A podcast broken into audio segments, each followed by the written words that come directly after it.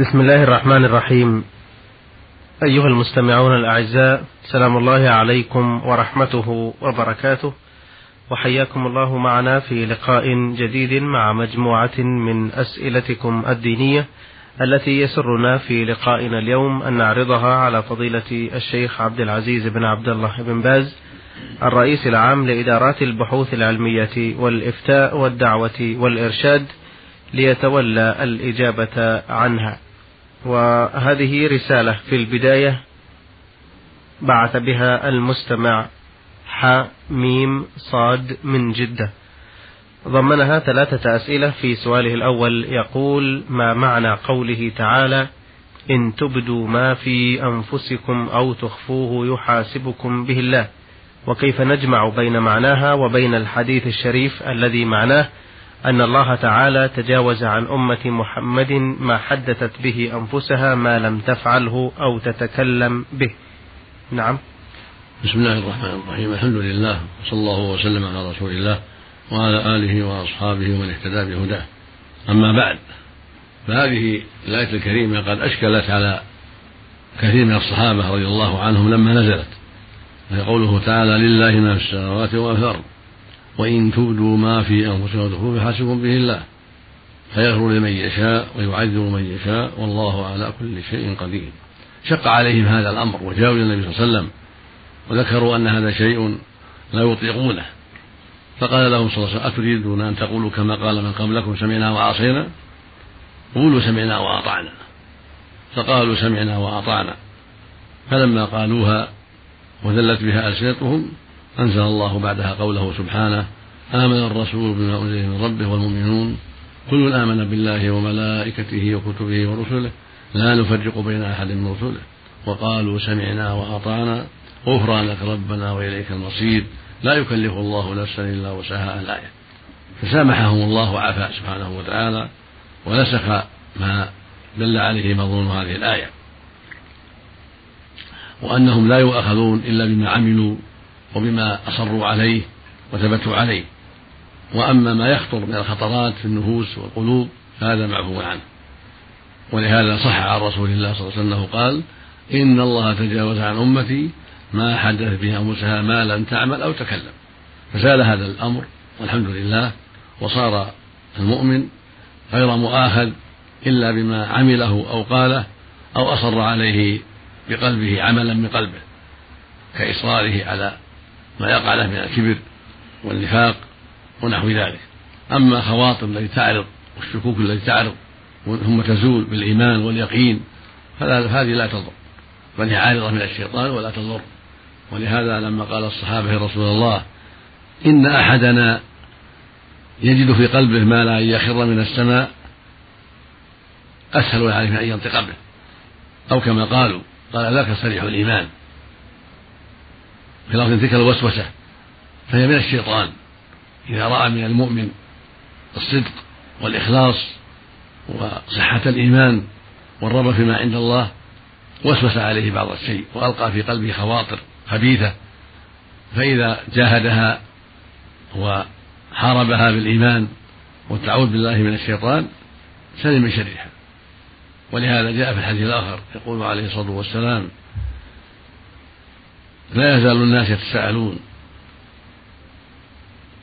حتى يقولوا هذا الله خلق كل شيء من خلق الله. فمن وجد ذلك فليقل آمنت بالله ورسله. وفي لفظ فليستعذ بالله ولينتهي. هذا يدلنا على أن الإنسان عرضة للوساوس الشيطانية. فإذا عرض له وساوس خفيفة وخطرات منكرة فليبتعد عنها وليقول آمنت بالله ورسله أعوذ بالله من الشيطان الرجيم ولينتهي. ولا يلتفت إليها فإنها باطلة ولا تضره.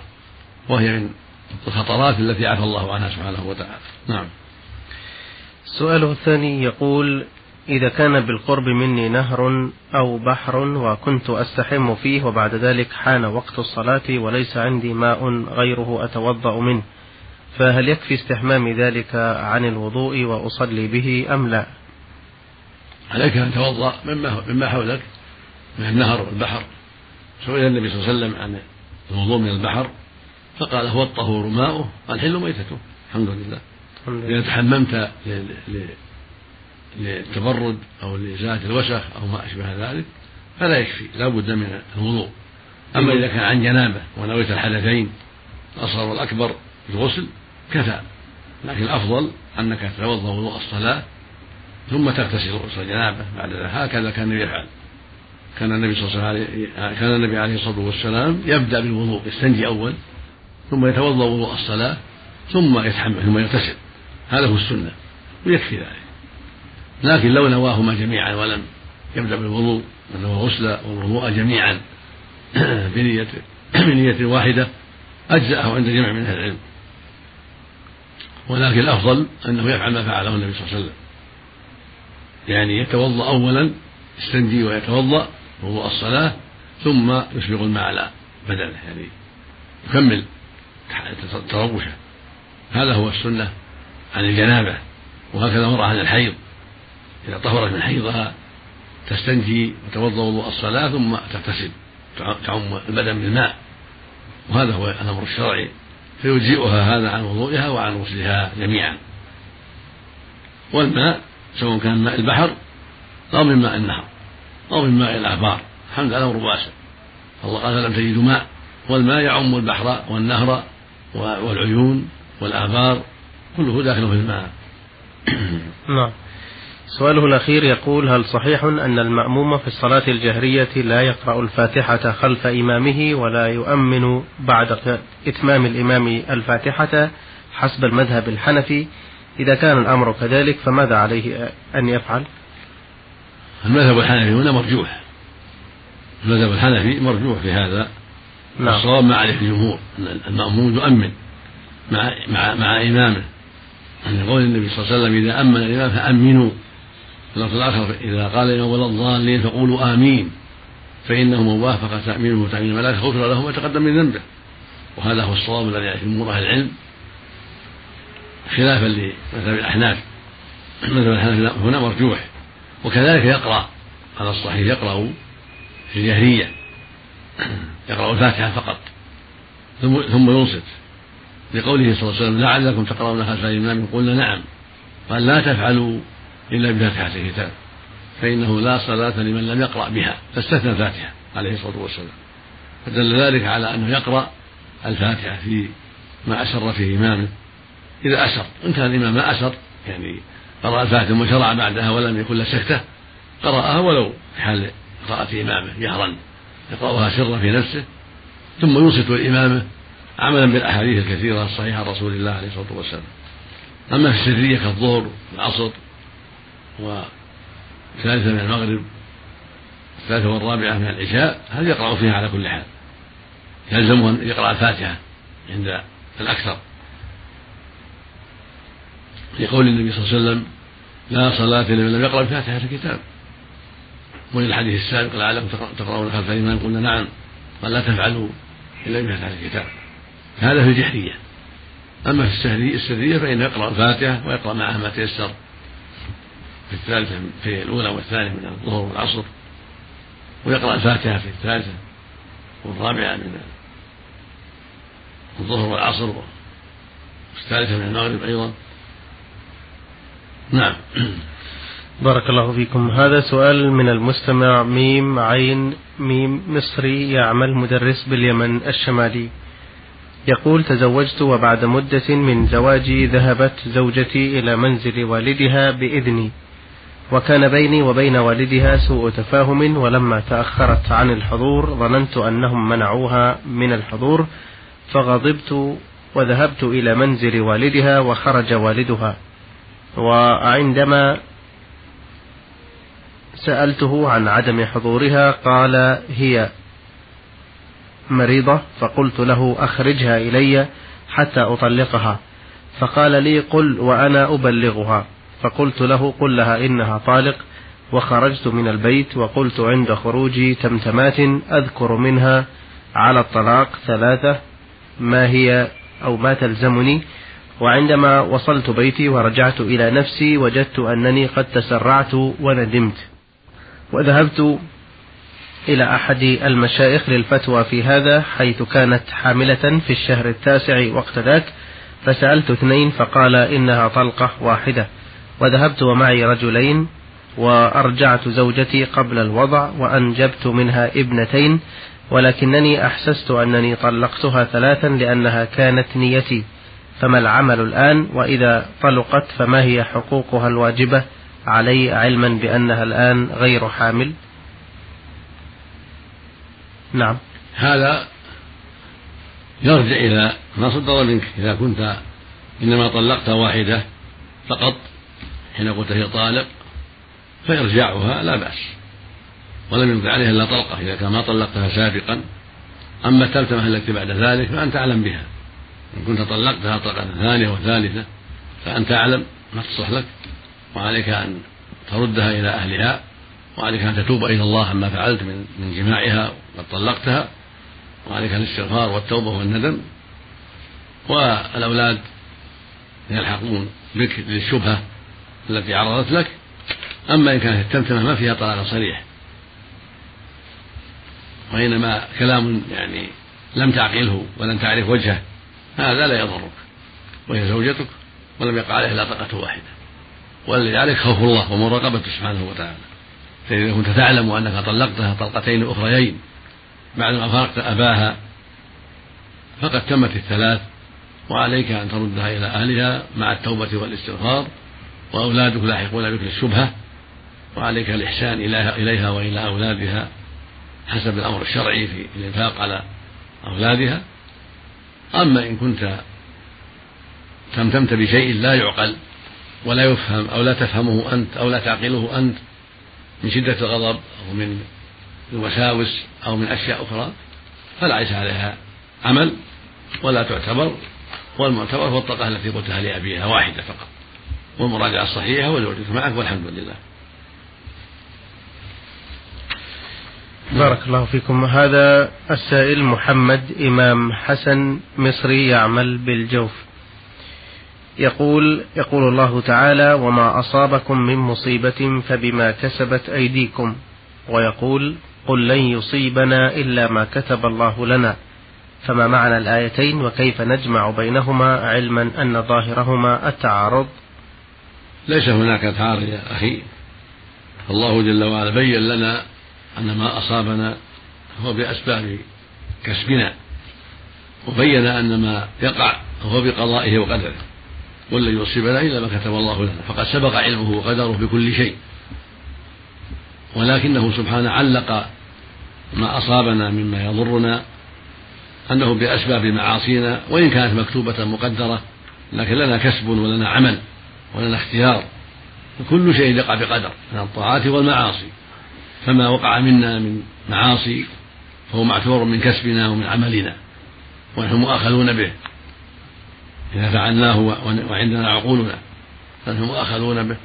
ولهذا قال سبحانه وما أصابكم من مصيبة فبما كسبت أيديكم ويعفو عن كثير. فلا أخرى ما أصاب من حسن من الله وما أصاب من سيف من نفسك. فلا تنافي بين القدر وبين العمل. القدر سابق. ولله الحجة البالغة سبحانه وتعالى. والأعمال أعمالنا. الزنا وشرب الخمر وترك الصلاة والعقوق وقطيعة الرحم من أعمالنا. ونحن نستحق عليها العقوبة بسبب تفريطنا وتقصيرنا. لأن لنا اختيارا ولنا عملا ينسب إلينا. وإن كان سبق في علم الله كتابته وتقديره.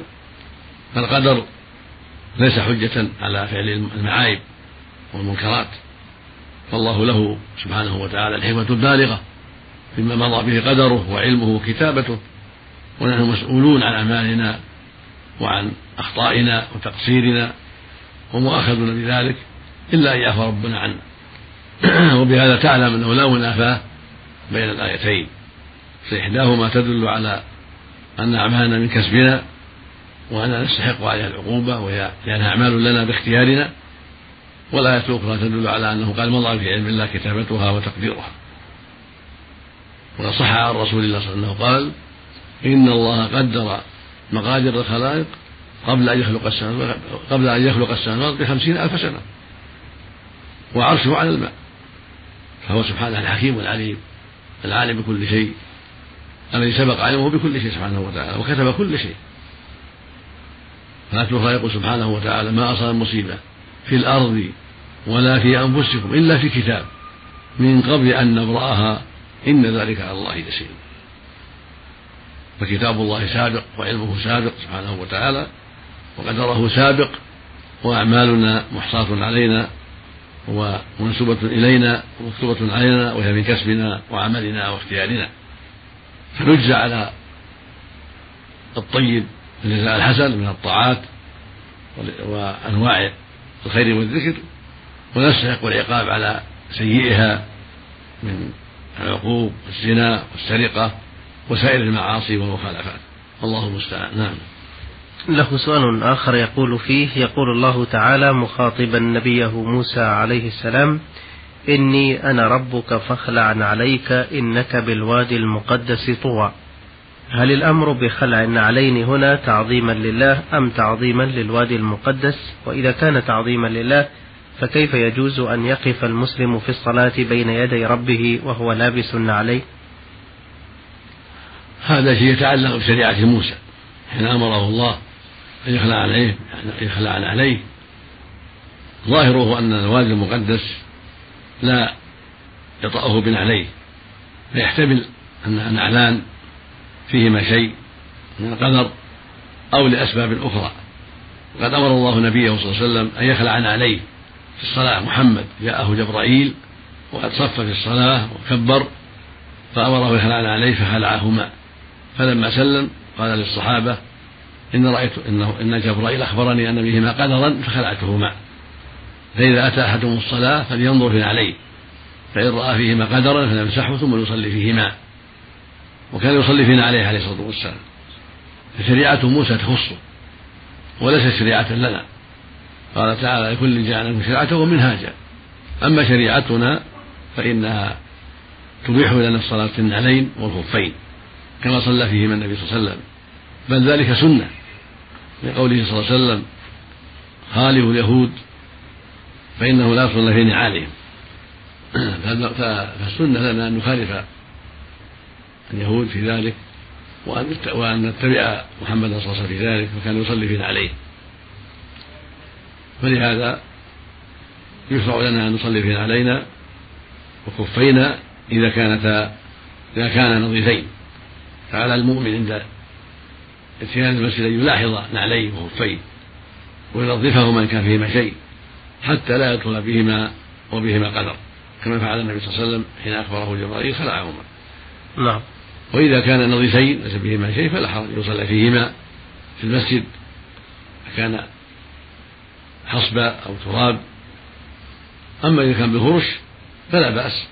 لكن إذا خلعهما احتياطا خلعنا عليه مثلا احتياطا لئلا يكون فيهما تراب كثير يوسخ المسجد أو أو يكدر المصلين هذا حسن وليس بلازم. وأما الخفان فلا إذا كان قد مسح عليهما. لا يخلعهما يصلي فيهما لأنهما إذا خلعهما بطل الوضوء. فإذا كان عليه خفان قد مسح عليهما للطهارة فلا يخلعهما بل يصلي فيهما. لكن لا يدخل حتى ينظر فيهما ويزيم بهما من أذى كان هناك أذى حتى لا يدخل فيهما إلا هما نظيفان. أما النعل فأمرها أسهل. فيمكن خلعها لأن لأن النعل لا يسحب عليها. فإذا كان جاء على الطهارة وعليه نعلان إن شاء خلعهما. في المسائل المفروشة وإن شاء تركهما وإذا خلعهما من أجل مراعاة الناس لئلا يستنكروا منه أو لئلا يتكلموا عليه أو لئلا يكون فيه من تراب يوسخ الفرش من باب التحري للخير ومن باب البعد عن التشويش فلا فحسن وإلا فالأصل مع من قال بالصلاة فيهما ولو كان المسجد مفروشا. إذا كانت نظيفة إذا كانت النعلان نظيفتان نظيفتين. فلا بأس بذلك لفعل النبي صلى الله عليه وسلم ولقوله عليه الصلاة والسلام. ولكن مراعاة للناس اليوم في المساجد المفروشة إذا راعى الناس وخلعهما خوفا أن يكون هناك تراب أو أوساخ ما لها أو أن الناس يعني يستنكرون منه ذلك وربما تكلموا عليه وجهلوه جهلا منهم.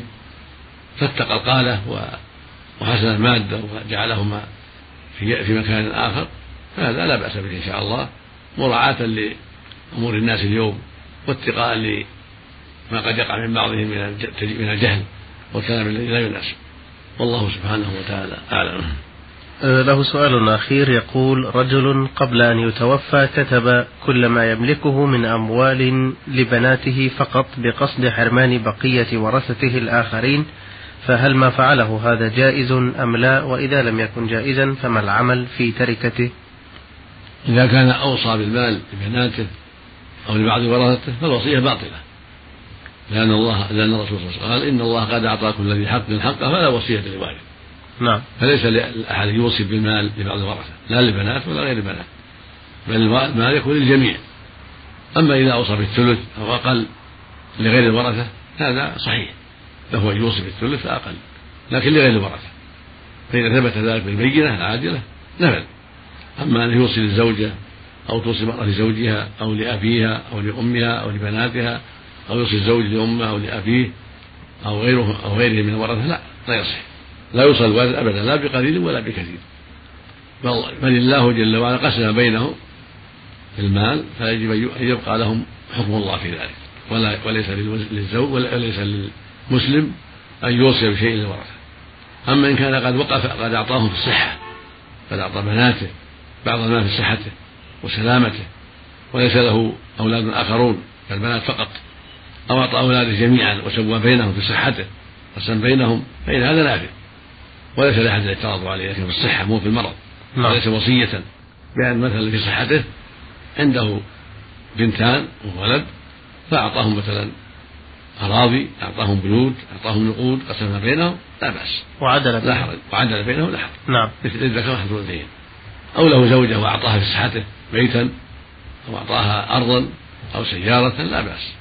أو أعطى بعض أقارب الأخ الوارثين أعطى بعض إخوته الورثة في صحته فلا بأس. نعم.